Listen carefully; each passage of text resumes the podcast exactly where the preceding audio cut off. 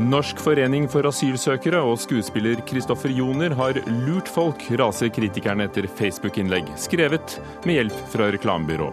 Slutt å tulle, dette er genuint engasjement, mener reklamemann Ingebrigt Sten Jensen. Er det for mange datamaskiner og nettbrett i skolen?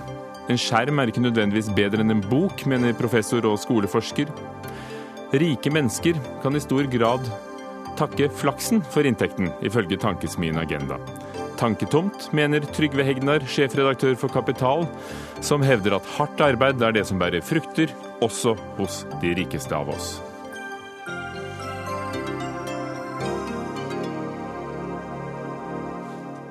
Velkommen til eh, Dagsnytt 18, hvor vi også spør om norske fylkesveier er for humpete og farlige. Programleder i dag, Ugo Fermariello. Pengene fortsetter å strømme inn til Norsk organisasjon for asylsøkere, NOAS, etter at den kjente skuespilleren Kristoffer Joner la ut et innlegg på Facebook hvor han angrep innvandringsminister Sylvi Listhaug i går kveld, og ba om et bidrag til nettopp NOAS. Men etter at det i Kulturnytt her i NRK ble kjent at Joner hadde samarbeidet med reklamebyrået Anorak og NOAS selv, har debatten rast. Uærlig. NOAS og Joner har lurt folk, det skriver du, Frøy Gudbrandsen, politisk kommentator i Bergens Tidende i, i, i, i dag. På hvilken måte er det uærlig? Nei, så for det første jeg si at uh, jeg syns det er veldig bra at pengene strømmer inn til NOAS, for de både trenger og fortjener de pengene. Men det er mange som føler seg lurt i dag. Fordi dette innlegget til Kristoffer Joner det var skrevet på en måte som gjorde at mange trodde at dette var hans initiativ, hans private initiativ, som han på en måte kom med hjemme i stua. Eh, og, men så viser det seg etterpå at det var noe ganske annet. Eh, ingen som tviler på at han mener det han skriver, men utgangspunktet for det hele var altså at NOAS trengte penger og tok kontakt med et reklamebyrå. Eh, og derfor så sitter nå en del med en følelse at de har blitt lurt. Vi har vært i kontakt med Kristoffer Joner selvfølgelig i dag, men han ønsker ikke å si noe hittil. Han er opptatt med, med filminnspilling. Men hva er lureriet, uh, Frøy Gudbrandsen? Fordi, uh, som du sier, han står jo for det. Og han er jo selv politisk aktiv. Han sitter jo i kommunestyret i Stavanger i tillegg til å være skuespiller. Nei, Det er jo nettopp det at utgangspunktet altså Dette var ikke et privat initiativ fra han i utgangspunktet. Det var NOAS som tok kontakt. Um, og altså Når folk sitter igjen uh, og er lurt og har delt et innlegg nettopp fordi det kom fra Kristoffer Joner, nettopp fordi de trodde det var et innlegg som han hadde, altså han hadde kommet seg på Facebook i raseri og på en måte Kristoffer Joner er liksom det mest ekte, autentiske som fins. Og når han legger ut et personlig innlegg, eh, og så viser det seg i ettertid at det var del av en kampanje, eh, så føler folk seg lurt. For det var ikke alle som fikk med seg at dette var en kampanje. Men, men hvordan vet du at folk føler seg lurt? Jeg har snakket med ganske mange, og det er, er ganske interessant i dag. Her er det mange som reagerer på den måten at ja, de som ikke forsto dette her, de er dumme, og eh, liksom, hvor blåst går det an å være hvis du ikke skjønner at dette er en profesjonell kampanje. Eh, jeg har snakket med minst 20 eh, mennesker i dag eh, som sitter igjen med den følelsen. Men det kan godt tenkes at jeg har et dummere nettverk enn folk flest, i hvert fall på Twitter, da, og det er jeg egentlig ganske glad for. Men jeg skjønner godt at ikke de gidder å liksom skrive, skrive, lange innlegg om at de føler seg lurt når man blir møtt med den type Når det er det man blir møtt med. At man er dum hvis man sitter med den følelsen. Ann Margrethe Austenaa, generalsekretær i Norsk forening for asylsøkere, NOAS. Hva synes du om at noen føler seg lurt? Nei, Det er jo ikke bra eh, at noen føler seg lurt. Men jeg syns at det er vanskelig å forstå at de føler seg så veldig lurt. Fordi at eh, Situasjonen er at Kristoffer eh, Joner mener det han mener. Eh, NOAH står for det vi står for, og det står veldig klart i den posten til Kristoffer Joner at dette mener han, dette oppfordrer han folk til å markere at det er ikke greit hvordan Listhaug snakker om veldig vanskelige spørsmål, og hvordan hun nærmest hoverer over at vi har en politikk som er svært brutal overfor barn. Eh, og det kommer helt klart fram. Det står han for 100 eh, Og han oppfordrer folk om å styrke rettssikkerheten for asylsøkere gjennom å gi penger til NOAS. Og han skriver at han har en dialog med NOAS eh, om det. Så jeg, jeg har litt problemer med å forstå at de skal være så veldig lurt. Hvor mange penger har de fått inn? Vi har fått inn over 3,2 millioner. Og halvparten er det er kommet i løpet av dagen i dag, hvor denne debatten har rast om hva dette er og ikke er. For dette ble kjent da du i Kulturnytt på NRK her i dag tidlig fortalte nettopp at, eh, at bakgrunnen var et arbeid dere hadde med, med dette eh, reklamebyrået. Men som gammel journalist og mangeårig leder av Norsk Journalistlag, ser du at det kan ses på som en slags skjult markedsføring? At budskapet er, er skjult i det som ser ut som en et personlig henvendelse? Nei, jeg kan vanskelig tenke meg et tydeligere budskap. Dette er en klar melding til Listhaug om at vi syns ikke at den språkbruken er en statsråd verdig, og det er et behov for rettshjelpsmidler. Og er du enig i dette, så lik det og del det, og støtt NOAS. Så det har jeg problemer med, og det var jo tydelig i den posten. Der skriver han at det er en dialog mellom, mellom han og NOAS. Gudbrandsen? Ja, altså Dialog, det, det, kan jo være veldig mye. Eh, jeg tror at dette, eh, mange reagerer ekstra kraftig på dette nå. Fordi eh, det er ganske vanskelig noen ganger å skille måte, sant fra usant, autentisk fra regissert. Um, og her, i dette, dette tilfellet her sånn, så blir, det, blir man veldig usikker. OK, reklamebyrå uh, involvert det var ikke Kristoffer Joner som tok initiativ til dette her. Hva er det egentlig? Eh, og jeg ser folk har, har skrevet type Facebook-statuser i dag sånn Sorry, folkens, kommer ikke til å dere sånne ting igjen. Eh, fordi man forstår ikke hva det er, klarer ikke å plassere det. Og likevel Gudbrandsen, er det jo ganske mange som har da valgt å gi et bidrag lenge etter at dette ble kjent, at, at, ja. at NOAS hadde jobbet med reklamebyrå eh, hvor, hvor en av reklamemennene er da en kompis med Joner, og slik startet det hele.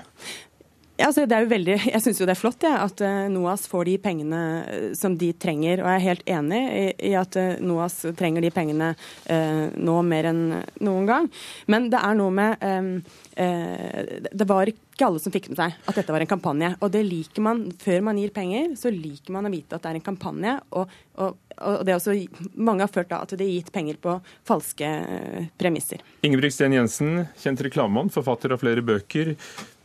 Hva mener du? Har, har, har eh, Noas og Joner lurt folk? Nei, jeg syns ikke det. Eh, I den grad det er noen som lurer folk til å tro at det er eh, redaksjonelt og ikke reklame, så er det jo Bergens Tidende og alle de andre avisene som sauser dette sammen til fantastiske nivåer for tiden. Men, men altså, kortversjonen er jo at Kristoffer Joner har uttalt noe han mener. Ikke, ingen har betalt den for å gjøre det. Et reklamebyrå har hjulpet han med å lage en betalingsløsning og få den på Facebook. Han hadde aldri vært på Facebook før. Eh, så det er noen hjulpet han med. De har heller ikke fått betalt.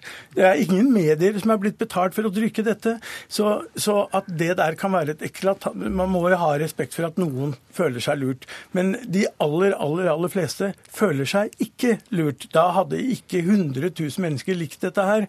Og 3000, nei, 32 000 nordmenn betalt og støttet, eh, støttet opp. Og så kan det godt hende at det er noen ting som, margin, marginale ting som kunne vært gjort annerledes. Dagens store lureri er jo noe helt annet. Det er at vi tror at det er Sylvi Listhaug som sitter og legger ut Facebook-poster og svarer i kommentarfeltene når det er en guttunge fra Stjørdal som utgir seg for å være Sylvi Listhaug. Tusen takk, hilsen Sylvi. Så sitter det en gubbe fra Stjørdal og, og, later som han er statsråd. Det lurer det! Og nå hadde vi altså ikke fått med oss eh, Sylvi Listhaug i dag, for det, det, kunne hun ikke. Eh, denne guttungen du refererer fra, fra Stjørdal, er altså Sylvi Listhaugs politiske rådgiver, eh, som ble intervjuet i Dagens Næringsliv næringsliv i dag som arbeider med de sosiale mediene. Et øyeblikk, Gudbrandsen, jeg hører du vil si noe, men vi har også med oss Mazyar Keshvari, innvandringspolitisk talsmann fra Fremskrittspartiet. For Listhaug kunne ikke komme, men det kunne du. Hva synes du om det hele? Det er nytt eh, lavmål og rekord i kynisme fra asylindustrien, som i utgangspunktet er veldig kjente for å være kyniske. Eh, her later man som at det er en eh, skuespiller som aldri har vært på Facebook, kommer seg på Facebook pga. dette inderlige engasjementet han har for eh, asylsøkere. Og så viser det at det hele er koordinert for å skaffe en av aktørene i innvandringsindustrien enda flere millioner kroner enn det de allerede har. Eh, og så er jo hele utgangspunktet for eh, debatten, slik det ofte er, basert på følelser, basert på feil antagelser.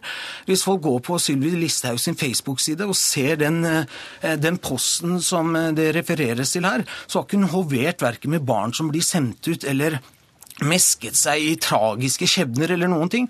Hun har vist til et, et, oppslag, og hvis man ser hva hun skriver, så er konklusjonen og budskapet der at vi har en streng politikk i Norge, og det er viktig at omverdenen. Og Hun er blitt glad for at folk har fått se det gjennom en artikkel i New York Times om en afghansk syvåring uh, som da var blitt utvist ja, altså, til Afghanistan. At folk er klar over norske lover og regler som en samlet eh, storting med unntak av SV var med på å stramme inn på, det kan Kishvari. ikke være veldig overraskende at en statsråd er glad for. Når Listhaug selv er blant de ivrigste på Facebook, har nå over 90 000 følgere, takket være seg selv og sin rådgiver og, og, og håndverk på sosiale medier, er det ikke da Eh, nettopp rimelig å forvente at også uh, dem som har andre politiske ståsted eller arbeider uh, i det samme sakskomplekset, benytter de samme metodene? Jo, selvfølgelig er det det, men jeg tror det er en Hvor, avsporing. Du, men du kalte det kynisk? Ja, ja, jo, jo, fordi at Sylvi Listhaug eh, skriver ikke noe på Facebook eh, og later som det er eh, noe hun har skrevet. Hun later som det er henne når det ikke er henne. Hør her, da. Ja, veldig mye av det hun skriver er fra henne sjøl. Når hun takker folk fra. Det, er jo, det, det må jo være juks. At, at, at, at, statsråder og politiske rådgivere, det må kanskje bare være ukjent for deg. Men er det Poenget er at hun, det, det er ikke sånn at hun skriver og later som hun har et engasjement, og så viser det seg at det hele er en kampanje for å skaffe noen andre penger. det er det. Alle, alle skal få ordet her. Anne Margrethe Austen og i NOAS er det annerledes at en statsråd har en rådgiver enn at dere bruker et byrå for å få hjelp til kommunikasjon? Jeg ser ikke den store forskjellen der. At vi har fått bistand. Eh, Joner har fått bistand til å komme seg på Facebook et sted han, han, han, ikke, han, ikke, var. Vi har ikke vært uh, uærlige om, uh, om, det. Uh, og det, Anorak har vært en, et bindeledd mellom oss og Kristoffer Joner. Han hadde et budskap han ønsket å komme ut med.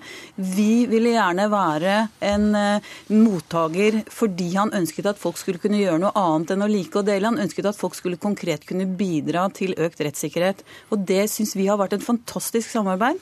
Og vi er veldig glad for at han har gått ut med det på den måten, som har skapt et stort engasjement. Frøy Gudbrandsen i, i, Bergen, eh, hvor du er politisk kommentator i, i Bergens Tidende. Må du ikke ta inn over deg at eh, det er nettopp på sosiale medier denne kommunikasjonen skjer, og at den er annerledes enn det, enn det du er vant til fra de spaltene du redigerer? Og, og, og og, da, eh, Det er jo ikke sånn at folk ikke får hjelp til å skrive leserinnleggene som trykkes hos dere eller hos oss, for den saks skyld? Altså, jeg tror nettopp sånn type at Det er ikke Listhaug sjøl som skriver på Facebook, men det er en rådgiver. Det er nettopp det at man ikke veit hvem avsenderen er. Det er noe av det som gjør at folk også blir liksom skuffa. Når, liksom, eh, når NOAS og Kristoffer Joner, som kanskje er noe av det man ser på som noe av det mest troverdige, når man blir usikker på hva, hva de står for. Og nettopp fordi de kanskje eh, Man føler at de utnytter de samme virkemidlene som man er så lei av at uh, Sylvi Listhaug bruker, at man, at man, reagerer ekstra eh, kraftig. Men det er jo ikke, eh, det er jo ikke akkurat det samme Man kan ikke sette NOAS og Sylvi Listhaug helt i samme bås heller. altså Keshvari drar kanskje på litt, litt ekstra der. Tidligere statsråd og høyrepolitiker Kristin Clemet nå i Tankesmia Civita sier i et innlegg i dag at hun mener at de har avsporet debatten, og at eh, dette burde mer handle om statsråd Listhaug som ikke burde polarisere folket. Hun er alle statsråd, uansett ståsted. Er dere med å polarisere folket ved den uh, aktiviteten bl.a. på Facebook? De som polariserer denne debatten, det er de som eh, gjentatte ganger bruker feil informasjon, skyver barn foran seg, gir inntrykk av noe annet og er kun opptatt av å bruke føleri.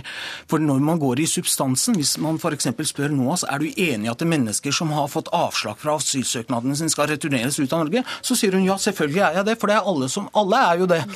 Ingen mener at alle som kommer til Norge og får avslag, skal få bli her uansett. Og når, når, da substansen og realiteten ikke holder, så må man bruke føleri. Men poenget og problemet med dette her er engasjementet til Joner, og hvor ekte er det?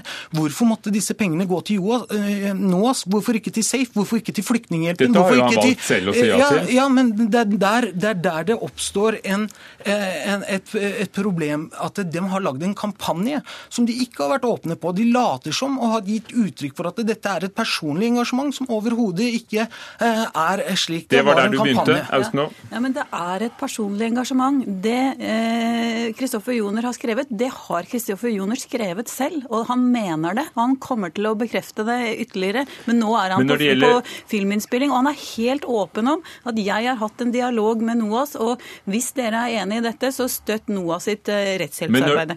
For dere jobber altså med rettshjelp til flyktninger mm. som uh, skal få saken sin prøvet i Norge. Ja, asylsøkere. Ja. Uh, asylsøkere, mm. unnskyld. Mm. Så er det det med faktagrunnlaget. Mm.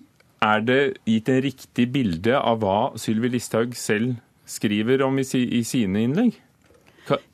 Ja, Det vil jo variere hvem som debatterer med Sylvi Listhaug, så det kan jeg ikke si noe generelt om. Men vi prøver å forholde oss konkret til hva hun sier. Og denne saken som er gjengitt i New York Times, er altså en sak som er juridisk omstridt om grunnlaget for det utvisningsvedtaket, og saken skal opp til retten i desember. Men det hun sier, er at verden ser at vi har blant de strengeste flyktningpolitikken ja, og det er hun veldig begeistret for. Og det mange etterlyser, er en ettertanke på hvilke konsekvenser en så tøff politikk har for de barna som returneres til så vanskelige situasjoner som Kabul. Ja, jeg, jeg, opplever jo nå er, vi, nå er, vi, jo to mot én her, da. Det er dårlig gjort. Men, men jeg opplever altså at Sylvi Listhaugs retorikk i, i, et år, og i over et år nå, har vært eh, utrolig sånn splittende.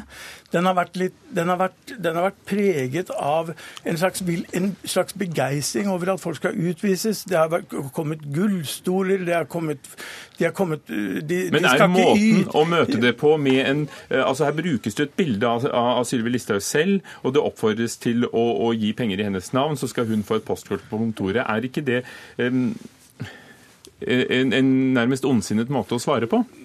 Jeg, jeg, jeg, må si da jeg ga de, de 100 kronene i går da jeg så Kristoffer Joner og så det der bildet dukke opp på Facebook med, med takk til Sylvi Listhaug for 100 kroner. Jeg holdt på å le meg i hjel. Det, det, det, var et velsignet innslag av humor, der, der det nå er så, er så mye aggressivt og, og henda i været og jubel over at vi er verdens strengeste, som jeg tror provoserer folk ekstremt og skaper splid i, et, i, et, i en problemstilling som virkelig burde uh, ha en status. Er det en ironi du må kunne tåle? Altså, Ironi tåler vi, og vi tåler langt verre ting. enn Det problemstillingen her er at han ønsket at takkekortene skulle få henne til å føle skam. Og Det er noe med retorikken som brukes andre veien. Men for å si det sånn, det viktigste er hva det norske folk tenker og føler. Og 59% av det norske folk er enige og takknemlige for den jobben hun gjør. 40% av Arbeiderpartiets velgere er glad for at det er hun som er minister på det. Men der er vi inne på selve politikken. I dag snakket vi om denne kampanjen. Takk skal dere ha, alle sammen. Mazyar Keshvari fra Frp, Ingebrigt Sten Jensen, Ann Margrethe Austenaa fra NOAS og Frøy Gudbrandsen, politisk redaktør i Bergenstidene. Dagsnytt 18 alle hverdager klokka 18.00 på NRK P2 og NRK2.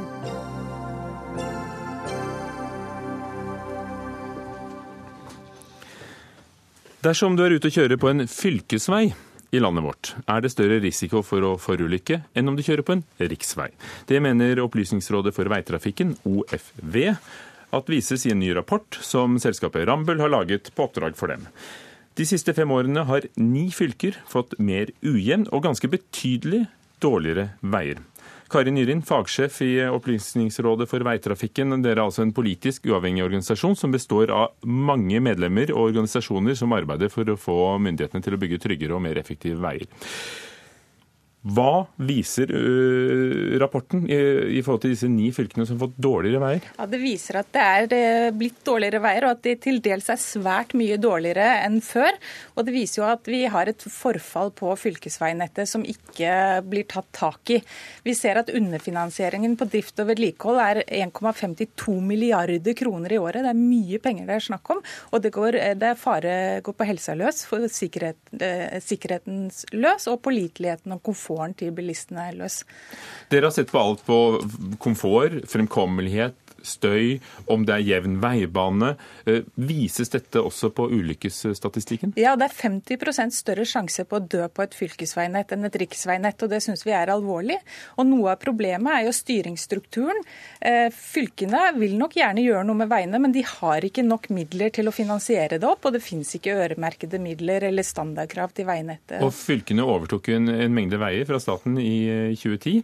Hvor er det verst, er det jo mange som lurer på. Ja, Det er uh, forskjellige fylker. Jeg har ikke helt oversikten over uh, hvilke fylker som er dårligst og hvilke som er best uh, her nå.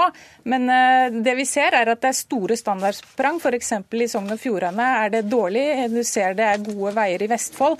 Men, men det er store forskjeller fra fylke til fylke. Og det er som sagt 19 fylker, og det er ti som gjør det bedre og ni som gjør det dårligere. Så det er blitt bedre noen steder? Ja, det er blitt bedre noen steder. Og det viser jo at satsing på vei virker.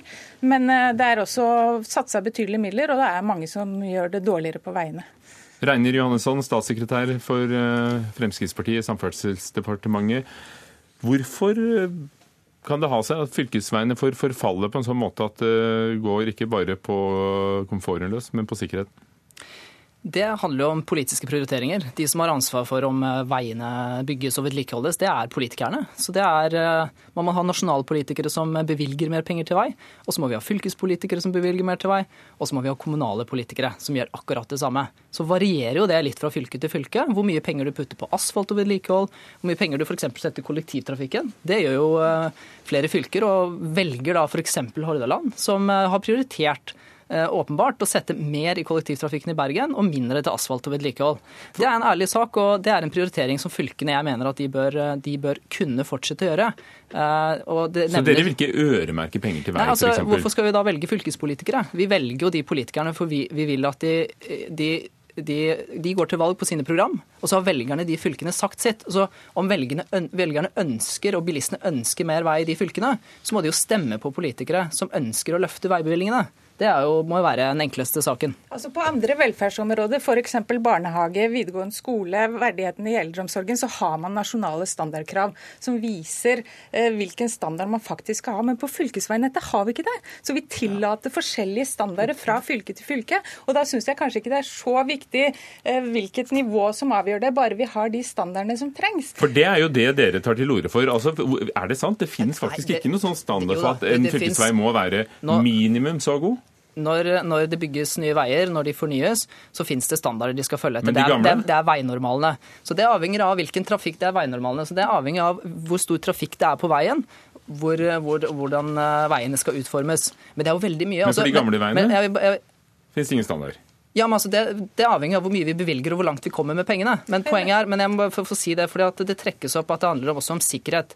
Og ja, det er viktig å bevilge mer til, til eh, asfaltering og vedlikehold. Og det gjorde vi når vi kom inn i regjering. Så begynte altså vedlikeholdsetterslepet økte på hele veinettet hvert eneste år i mange tiår frem til vi kom inn i regjering. Nå har vi snudd det. Og så vil jeg bare si at For trafikksikkerhetens del så er det utrolig viktig å nevne følgende. Jeg må bare få nevne Nei, Stopp opp der litt, for vi skal gå videre, og dere skal alle få ordet. Geir Pollestad, stortingsrepresentant fra Rogaland for Senterpartiet. Hvordan mener dere i Senterpartiet at det går an å, å rydde opp i, i, i det etterslepet etterslepet som tydeligvis finnes i, i, flere av fylkene. Og ifølge Opplysningsrådet her så er, har de regnet ut til å være 129 milliarder kroner i etterslep. Jeg mener vi skal ta denne rapporten på største alvor.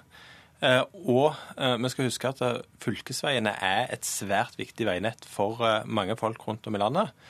Og selv om det er fylkespolitikerne som skal gjøre den endelige prioriteringen, så er det ikke til å komme unna at regjeringen og statsråden har et betydelig ansvar for at fylkene får nok penger til å eh, løse oppgaven, til å sørge for at veiene er sikre og at de har god framkommelighet. Og Det blir veldig veldig sånn eh, ansvarsforskrivelse når eh, en i dag har hørt at statsråden kun har pekt på fylkeskommunene. De har vanskelige oppgaver å prioritere mellom vei og videregående skole. For dere er da glad i lokaldemokrati i Senterpartiet? Jo, men vi er jo avhengig av at fylkeskommunene har økonomiske rammer som gjør at de kan prioritere. Eh, og jeg tror vi må bare erkjenne at det er et stort etterslep på fylkesveinettet. Eh, og da må en være villig til å legge penger på bordet, sånn at fylkespolitikerne kan løse dette. Så de må ikke prioritere annerledes, de må bare få mer penger fra staten? Jo, men jeg eh, er jo opptatt av at de skal være i stand til å drive både gode videregående skoler rundt om i hele landet, og at de skal ha gode veier. Og det er klart det etterslepet som er på fylkesveinettet er nå så stort at det trengs en ekstra eh, statlig innsats. Og det er viktig at det er en sammenheng mellom Det nytter lite å ha gode riksveier hvis næringstransportene sliter med å komme fra bedriften og ut på hovedveien. Og det er det dette med fylkesveiene handler om. Eh, og det er nok eh, behov for å både gi mer penger til fylkeskommunene, men òg ha målretta ordninger, statlige ordninger, inn på rassikring, inn på eh, andre tiltak Men- men for å bedre eh, fylkesveinettet. Ja, Reine Johansen, det er, det er ingen altså, vei utenom. Jeg, jeg vil bare si det, De altså, kan det er- ikke er- prioritere annerledes. Det er ikke, det er ikke et mål å, å fordele skyld her. Det er, eh, altså Poenget er at jeg blir stilt spørsmålet hvorfor er det sånn, og jeg svarer ærlig på det og kamuflerer ikke med, med mange ord. Eh, Det er sånn at det er politiske prioriteringer det handler om, og det handler om å stemme inn de som ønsker å løfte veibevilgningene. Det, det, er, det er hoved, hovedverktøyet. Men så handler det, og så vil jeg bare få si, siden jeg ikke fikk lov til å fullføre det i stad, dette er en kjempefin rapport. Utrolig fin kartlegging, gjør vårt arbeid mye lettere. Eh, Men så er det det om sikkerhet. Det handler om veldig mye annet også. Det handler om, eh, om, om vedlikehold, det handler om å rense opp i grøftekanter, det handler om å asfaltere, asfaltere veier, ta bedre vare på det vi har, har, har fra før. Det har ikke blitt gjort før. Sånn at, men jeg syns også Pollestad bør være litt ydmyk overfor denne rapporten. For det den kartlegger, er jo i all hovedsak eh, forrige periode. Og det, det, det er utrolig viktig, fordi at forrige regjering overførte veldig mye vei over til fylkene i 2010. Se, Men la oss høre, da, siden Ja. vi har noen som sitter og studerer veiene. Hva, hva har denne regjeringen gjort for veiene? Kan du se noe, Altså, noe forskjell? Fordi gjennom- de liker å snakke om det. Ja, altså Gjennom eh, et skiftende regjeringer så har det vært satsa på vei. Det er det ikke noe tvil om. Og riksveinettet har fått et løft. Etterslepet har gjennom eh, år eh, blitt stanset. Nå, eh, nå ser vi bedringer der. Men vi påpeker et, et veinett som, ikke, som er stemoderlig behandla, nemlig fylkesveinettet. Og det er faktisk ikke riktig at det er veinormalene som gjelder fylkesveinettet. Problemet er nettopp at veinormalene, kvalitetskravene vi skal ha til dette veinettet, er ikke-eksisterende. Så vi ønsker på linje med andre velferdsgoder at man skal ha noe i bånn, sånn at alle i befolkningen får like vilkår. Og når du sier vi, vilkår. dere er jo eh, en gjeng av rundt 60 organisasjoner og, og bedrifter som alle jobber med vei og vil at vi skal kjøre og, og vil gjerne bygge vei. Mm. Det kan jo tenkes at noen fylker som Hordaland velger å prioritere annerledes og sier at nei, vi, vi vil ikke bruke så mye penger på vei. Vi vil heller bruke dem på øh, kollektivtrafikk eller skoler. Ja, da har det en kostnad. Altså, Fylkesveiene og næringstransporten kommer dårligere fram. Det blir dårligere trafikksikkerhet. altså Det blir, færre, det blir flere som dør i ulykker på nettet. Det blir dårligere skoleveier for barn som skal gå til skolen, f.eks. Det blir dårligere sikt for de som skal kjøre. Eh, Så, så jeg syns ikke det er et veldig godt argument eh, at man velger kollektivtrafikken foran vei. Men kan dere bli enige om om det finnes eller ikke finnes en standard som gjelder alle veier, også fylkesveier? Det gjelder ikke noen standard på fylkesveiene, men det som må til, eh, det er jo at disse veiene ble ikke dårlige i går eller i forgårs. De har vært dårlige over tid.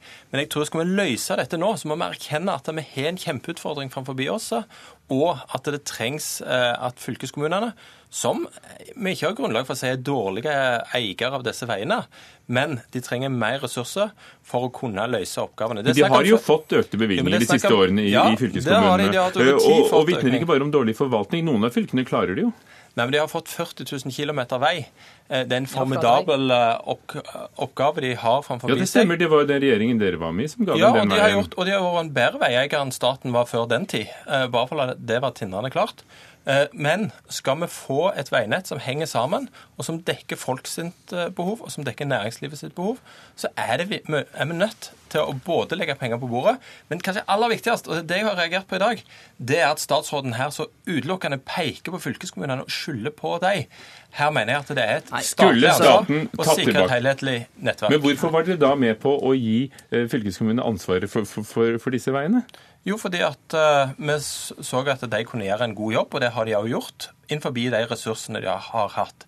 Men eh, hvis fylkeskommunene skal løse oppgaven, så må de gjøre sånn som vi ønsker, at de skal få mer midler til å løye. til å Burde dere tatt dem tilbake, akkurat som sykehusene? Det vi har gjort, det er å tilføre mer penger til kommunene og fylkeskommunene. Eh, Og jeg, jeg forstår sånn at Geir Pollestad fra Senterpartiet han snakker ikke om da å øremerke midlene. Det har jeg forstått han sånn at det vil han ikke gjøre. Både òg. Ja, ja, OK, du får øremerke på det nå. Ja, men det, det er greit, det er interessant.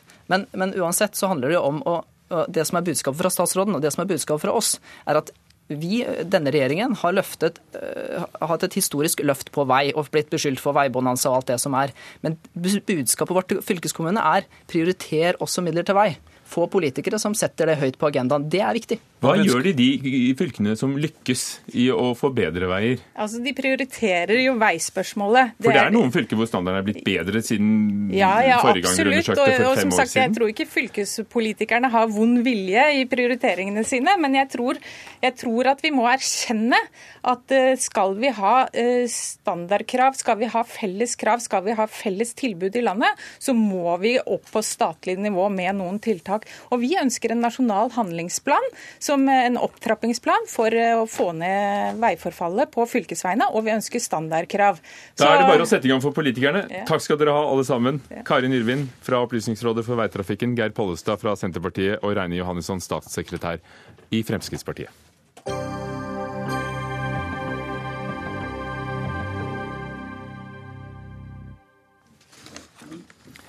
Hvorfor opplever noen mennesker større suksess, og da gjerne målt i kroner og øre, enn andre?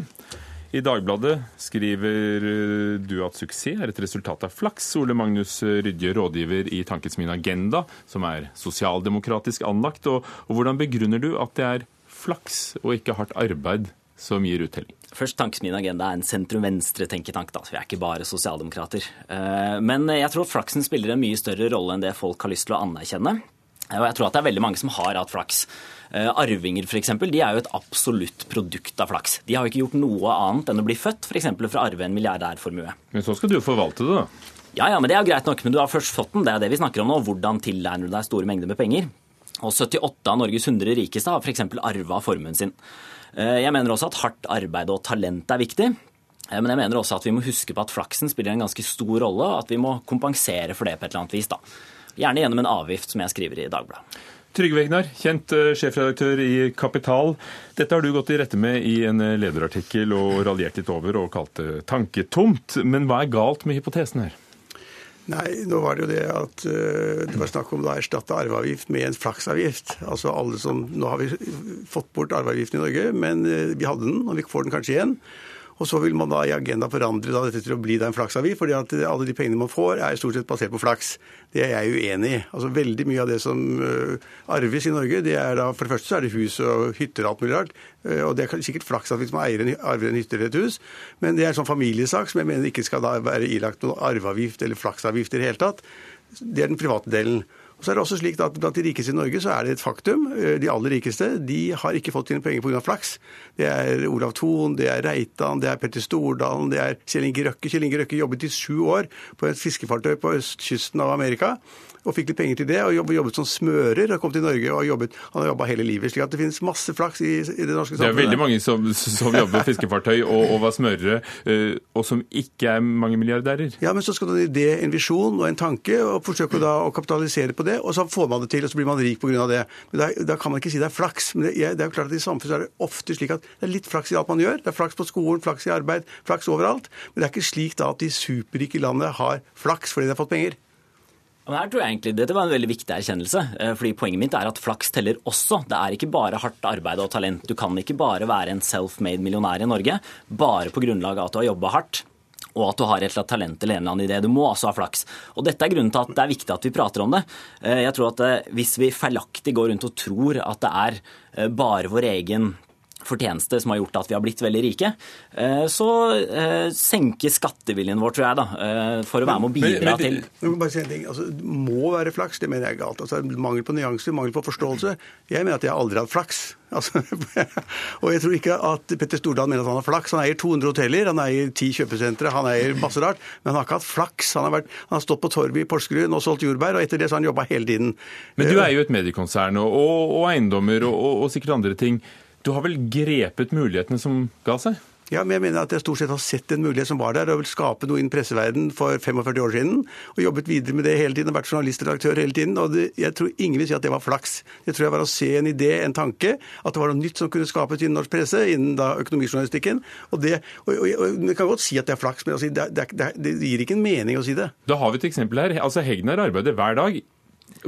Mange andre ville for lengst sittet på en leilighet i Provence. Altså, jeg mener at Grunnen til at både Røkke og Stordalen har hatt flaks, det er eh, kort og godt loven om de store tallene. Da. Så Når 100 000 mennesker eh, jobber knallhardt, har en idé, står på hver dag og har talent, så er det eh, noen dømt til å lykkes.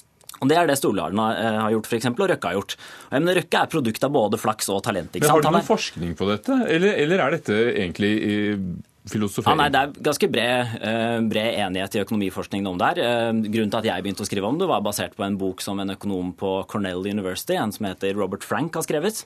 eh, Som handler om, heter 'Success and Luck', da, og hvorfor liksom meritokratiet har liksom forfalt. At vi ikke lenger er bare rene produkter av arbeidet vårt, men at det er uh, viktig å anerkjenne at liksom flaks er en viktig del av, uh, av hvorfor vi lykkes. Og Røkke, eksempel, bare for å ta han, da. Uh, VG skrev for et par år siden at han var ett usendt brev fra DNB unna å gå konkurs. Um, men brevet ble liggende i kassa hos DNB fordi de ikke eh, hadde lyst til å tape penger på det. Og moralen er da som følger. ikke sant? Røkke, Røkke hadde flaks eh, fordi krefter utenfor hans kontroll eh, handla i favør av han. Altså Det var ting som Røkke ikke hadde noe kontroll over, eh, som endte i positiv favør for Røkke. Det er jo flaks. Uten det så hadde ikke han vært milliardær i dag. Vel, det, er litt, det er litt vanskelig å si, da, fordi at eh, om noen hadde en god idé, slik at han kunne, kunne komme ut av finansieringsproblemene sine, det kaller ikke jeg flaks. Det kaller jeg for dyktighet, innfall, gode kontakter, godt arbeid. Men jeg syns ikke det er det viktigste, for man kan alltid si det at det var flaks en eller annen gang for 20 år siden eller 25 år siden. Det var flaks da Petter Stordalen fant på å søke en stilling i Trondheim istedenfor å selge jordbær i Porsgrunn. Kanskje det var flaks, kanskje det var en visjon. Men det viktigste synes jeg i denne debatten her, som da Agenda har tatt opp, det er det at vi alle, alle familier i Norge, skal få en flaksavgift når vi dør. Eh, Og det syns jeg på en måte lite om. Jeg syns at folk må, må kunne overføre ba, hytter og hus til sine barn uten å betale en, en flaksavgift, eller dødsavgift, eller arveavgift, som man kaller det. Og jeg syns det, det er veldig dårlig at da de som har klart å etablere et selskap eller en bedrift, eller et eller annet som er morsomt Jeg driver inn media, mine barn kommer til å arve meg.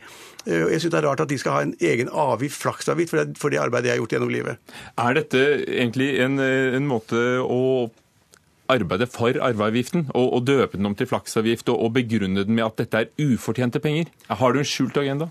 Nei, vi har ingen skjult agenda, som jeg sa Eller en helt åpen agenda? Ja, vi har en åpen agenda. Og ja, det er en eh, inngang til å snakke om en helt nødvendig arveavgift. Og det var også noe av det jeg sa innledningsvis, at jeg tror at så lenge vi ikke anerkjenner at flaks har veldig mye å si, så senker skatteviljen vår for å bidra til de strukturene som alle bidrar til, som er en forutsetning for at folk skal klare å lykkes. Altså Vi blir mindre villige til å betale for velferdsstaten, mindre villige til å betale for eh, gode reguleringer, gratis utdanning osv. Så, videre.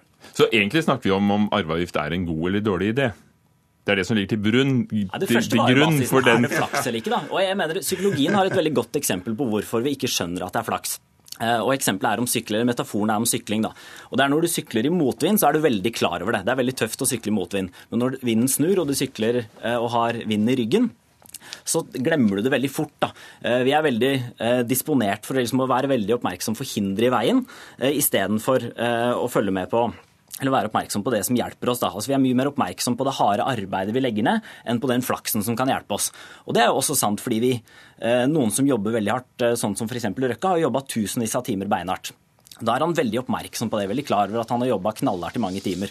Men han er kanskje ikke så klar over den ene eller to, de to gangene eh, krefter utenfor hans kontroll eh, gikk i hans favør, som gjorde at han klarte å bli eh, rik. Da, som gjorde at alt det harde arbeidet lønte seg. For det er jo tross alt langt flere som jobber like hardt, som aldri blir milliardærer. da.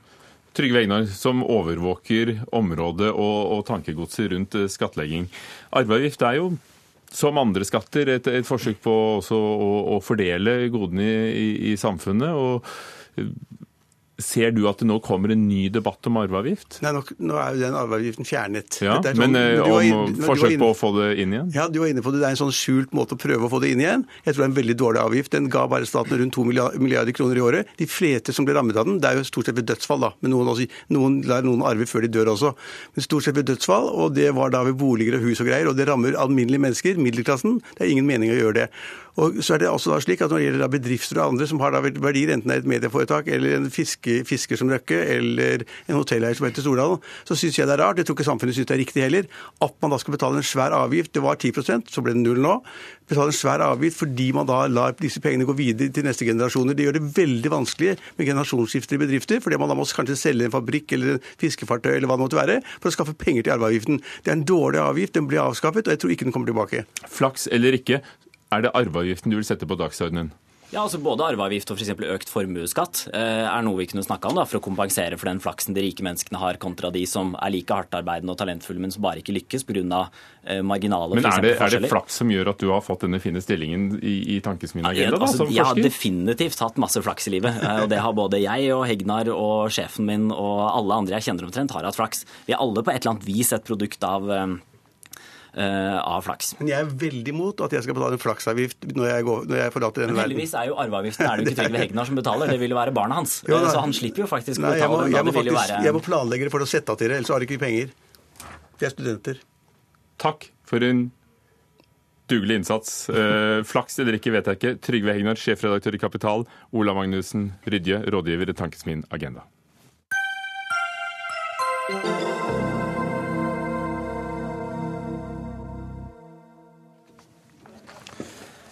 Er du digitalist?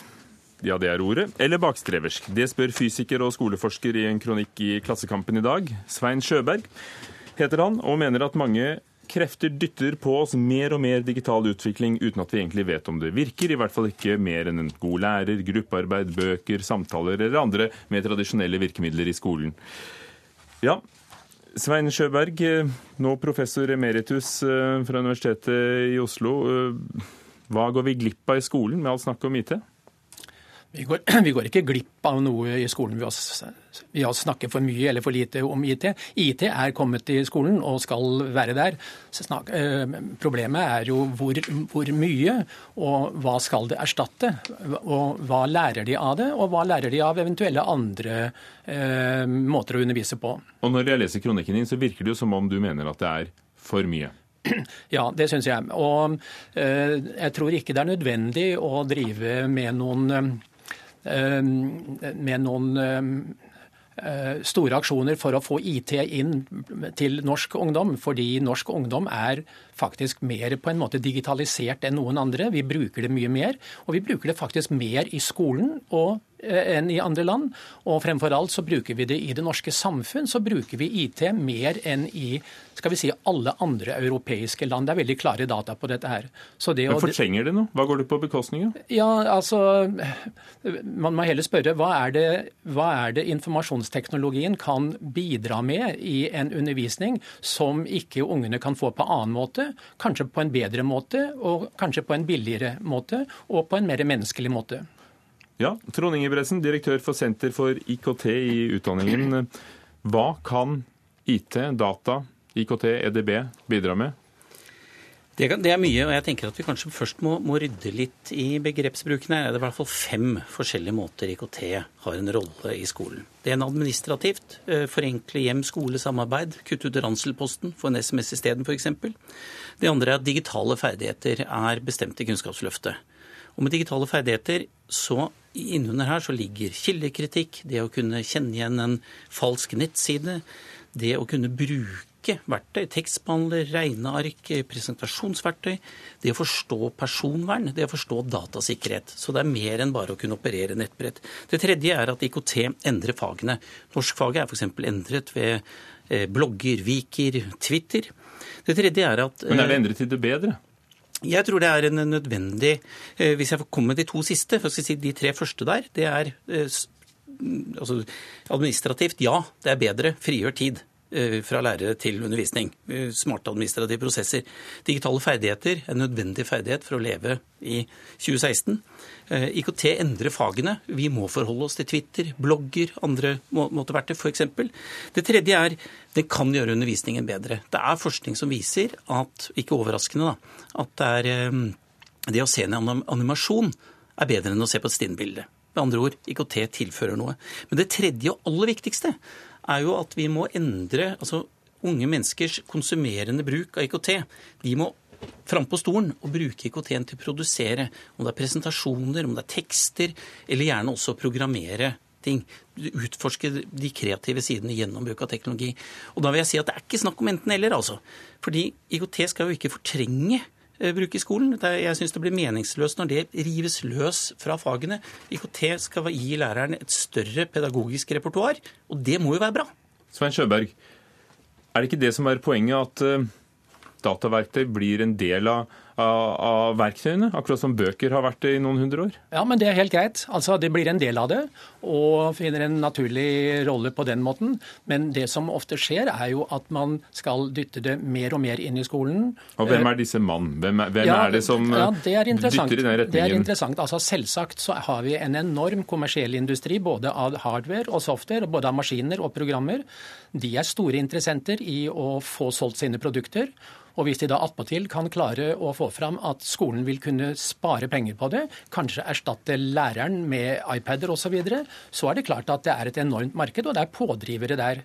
Men er det, er det annerledes at eh, den industrien uh, går løs på skoleverket, enn at de mektige forlagene gjør det, som i, i noen hundre år har solgt eh, kostbare bøker Ja, til skolen? det, det er et godt spørsmål. Men hvis du ser på andelen, uh, altså de summene som er involvert, så snakker vi jo nå om helt andre summer.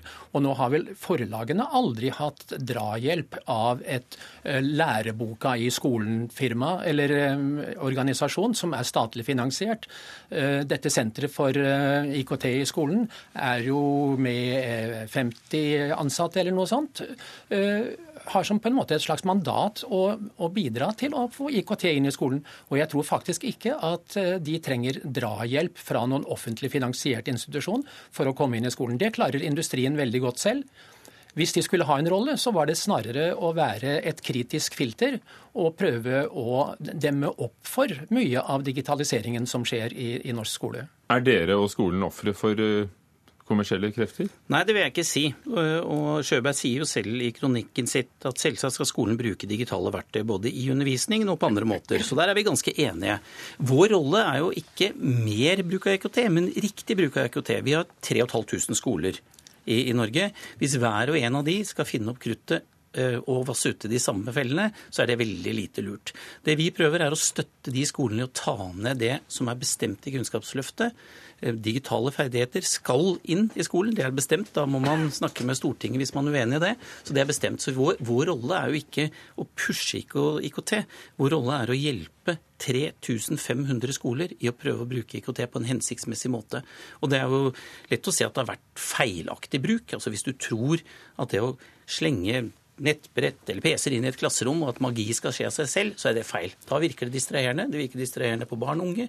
Det virker distraherende på voksne. Men det kan kanskje noen ganger, om det er fra skolefolk eller Mm. politikere, være en, en begynnende overbegeistring for, for eh, nye verktøy? Det, det har vi jo sett gjennom På 30 80-tallet satt barn og, og, og gjorde øvelser på Mm. noen håpløse datamaskiner. Kunne mye enklere gjort dem på et papir. Vi, vi har sett det kanskje gjennom 30 år med IKT i skolen. At eh, man har lovt, eller man, det store vi, har lovt mer enn det kan holde. Jeg føler at nå har for det første teknologien blitt mer moden, det er mye mer brukervennlig. Og det andre er at det, det, det, teknologien også rundt oss har, har utviklet seg, så vi er nødt for å ta den i bruk. Jeg syns det er pussig at skolen, som kanskje den eneste bransje eller næring, hva du velger å kalle det, driver og debatterer om. Alle andre næringer har tatt i bruk teknologi for kvalitetsforbedring, for effektivisering. Det er helt klart det er et potensial i skolen nå. Sjøberg, det er jo ikke, eh, data og IT er jo ikke kommet i går. Nei, det, Og, og, og selv om du sier at uh, norsk ungdom er blant de som ligger fremst i verden, så Ja. er det vel et poeng å lære å håndtere det riktig, og ikke overlate det til hjemmebanen? Nei, men Det er helt klart. Eh, Det skal vi gjøre. Men nå, nå viser det seg jo altså Man påberoper seg så store læringseffekter av den nye teknologien. Og, men så viser det seg, da, hvis man ser på f.eks. De, som ligger, de landene som ligger på topp på en del internasjonale rangeringer Hvis man tror på de rangeringene, så kan man jo se de bruker faktisk nesten ikke IKT i skolen. Og en stor OECD-rapport som nokså nylig kom, viser jo at det er, ingen, det er kanskje en negativ sammenheng med IKT-bruk og læring i skolen. Spriker forskningen? Slik at, mm, altså, det kommer an på vilt. Det er lett å finne forskning som støtter ditt standpunkt, nesten uansett.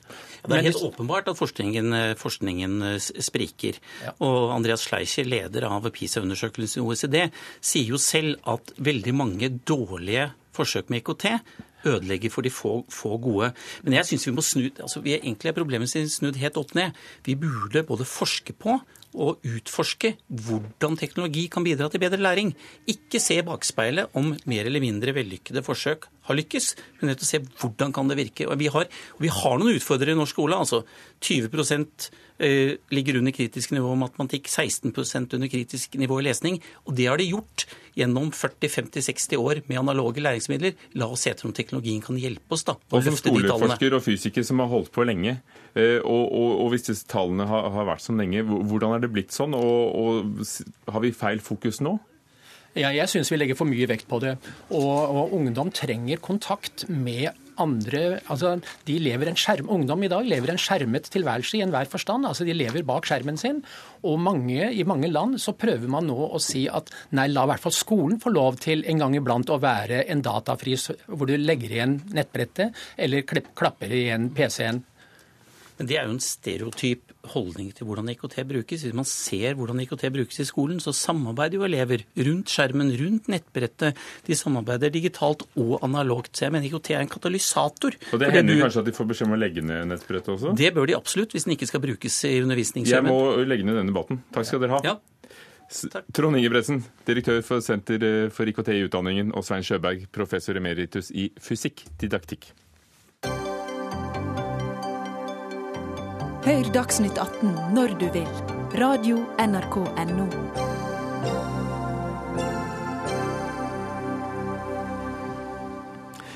LO, Landsorganisasjonen, gir 19 millioner kroner til to aviser. Dagsavisen skal få 10 millioner kroner og Klassekampen 9, eh, for å satse på arbeidslivsjournalistikk og annet. Dette ble kjent i går, og siden har flere hisset seg opp. Eh, Bjørgulf Brånen, du er sjefredaktør i Klassekampen. Hvorfor eh, takket dere ja til 9 millioner, og skal dere med det? Og det har vært en veldig eh, gammel drøm hos oss. Det har vært å bygge opp eh, lokalkontorer i flere deler av landet. Så vi får nå endelig mulighet til å lage et kontor i Bergen på Vestlandet og i Tromsø i Nord-Norge. Så dette er vi veldig glad for, og det var veldig hyggelig at LO ville bidra til det. LO har selv sagt til NTB at de mener at dere og Dagsavisen har hatt en og nå siterer jeg, en positiv satsing på, med en bred og god dekning innen arbeidslivsspørsmål, politikk, næringsliv og fagbevegelsen. Vil du ikke da føle et press nettopp for å prioritere disse områdene? Nei, men dette er jo de områdene vi prioriterer. Eh, det er jo arbeidsliv og industriarbeidsplasser og lokalsamfunn. sånn at dette er helt i tråd med det vi gjør.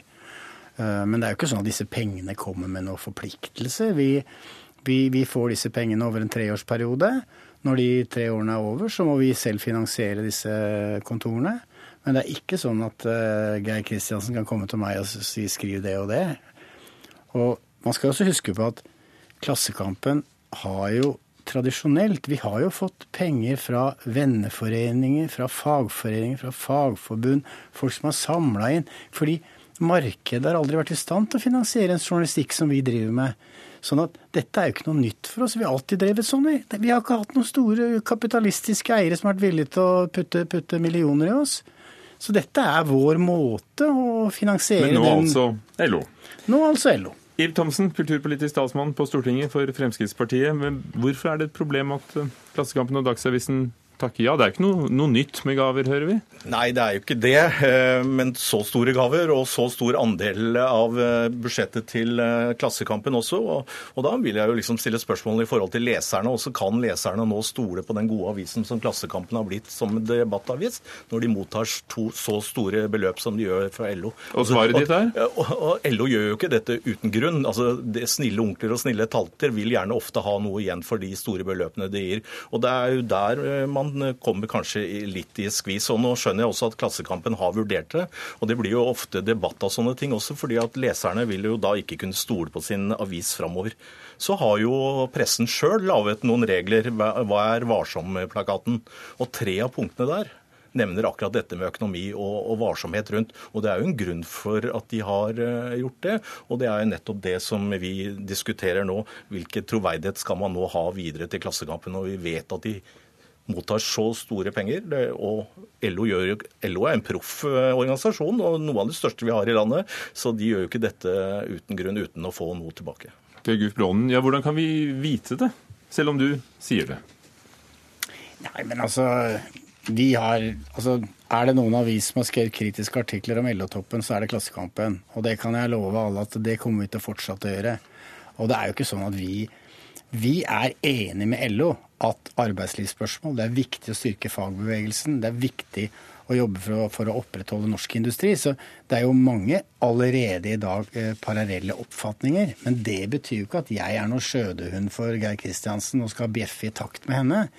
Vi kommer til å skrive nøyaktig det, det vi ellers gjør. Vi driver uavhengig journalistikk.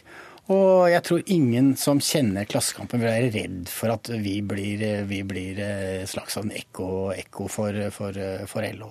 For, for, det er jo Ib Thomsen i, i, flere saker der eh, Klassekampen og Brån markerer avstand fra LO, f.eks. når det gjelder eh, oljebo, eller eh, konsekvensutredning av oljeboring i nord. Ja, Det er det samme som Statoil skal ha betalt Trygve Hegna, som var her for å skrive om miljøpolitikken i Statoil. Så, så det kan jo stille spørsmål eh, litt eh, rundt dette her. Så, så altså, grunnen, altså Motivet for LO å gi de pengene, det, det skulle jeg gjerne likt å visst. Altså, fordi at jeg tror ikke de gjør det bare for å være en snill onkel eller en snill tante. Altså, De, de sa jo det jeg leste i sted, da. At, ja. at de synes det er en god, god satsing, og at det er få andre som satser på den typen journalistikk. Men er det ikke nettopp en sak at dette er såpass åpent at det er veldig lett for deg og andre lesere etterpå å, å gå Brånen etter i sømmene? Jo, jo, og VG hadde vel en debatt, og, som media også lagde, hvor går grensen mellom annonser og det redaksjonelle. og Der er jo nå VG veldig tydelig på at dette er en annonse, og så har vi det redaksjonelle i tillegg. Og, og Det er jo viktig at man nå er veldig tydelig på disse tingene. Så,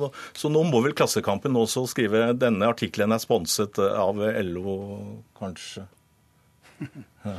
Nei, men altså, dette er akkurat som vi har eiere.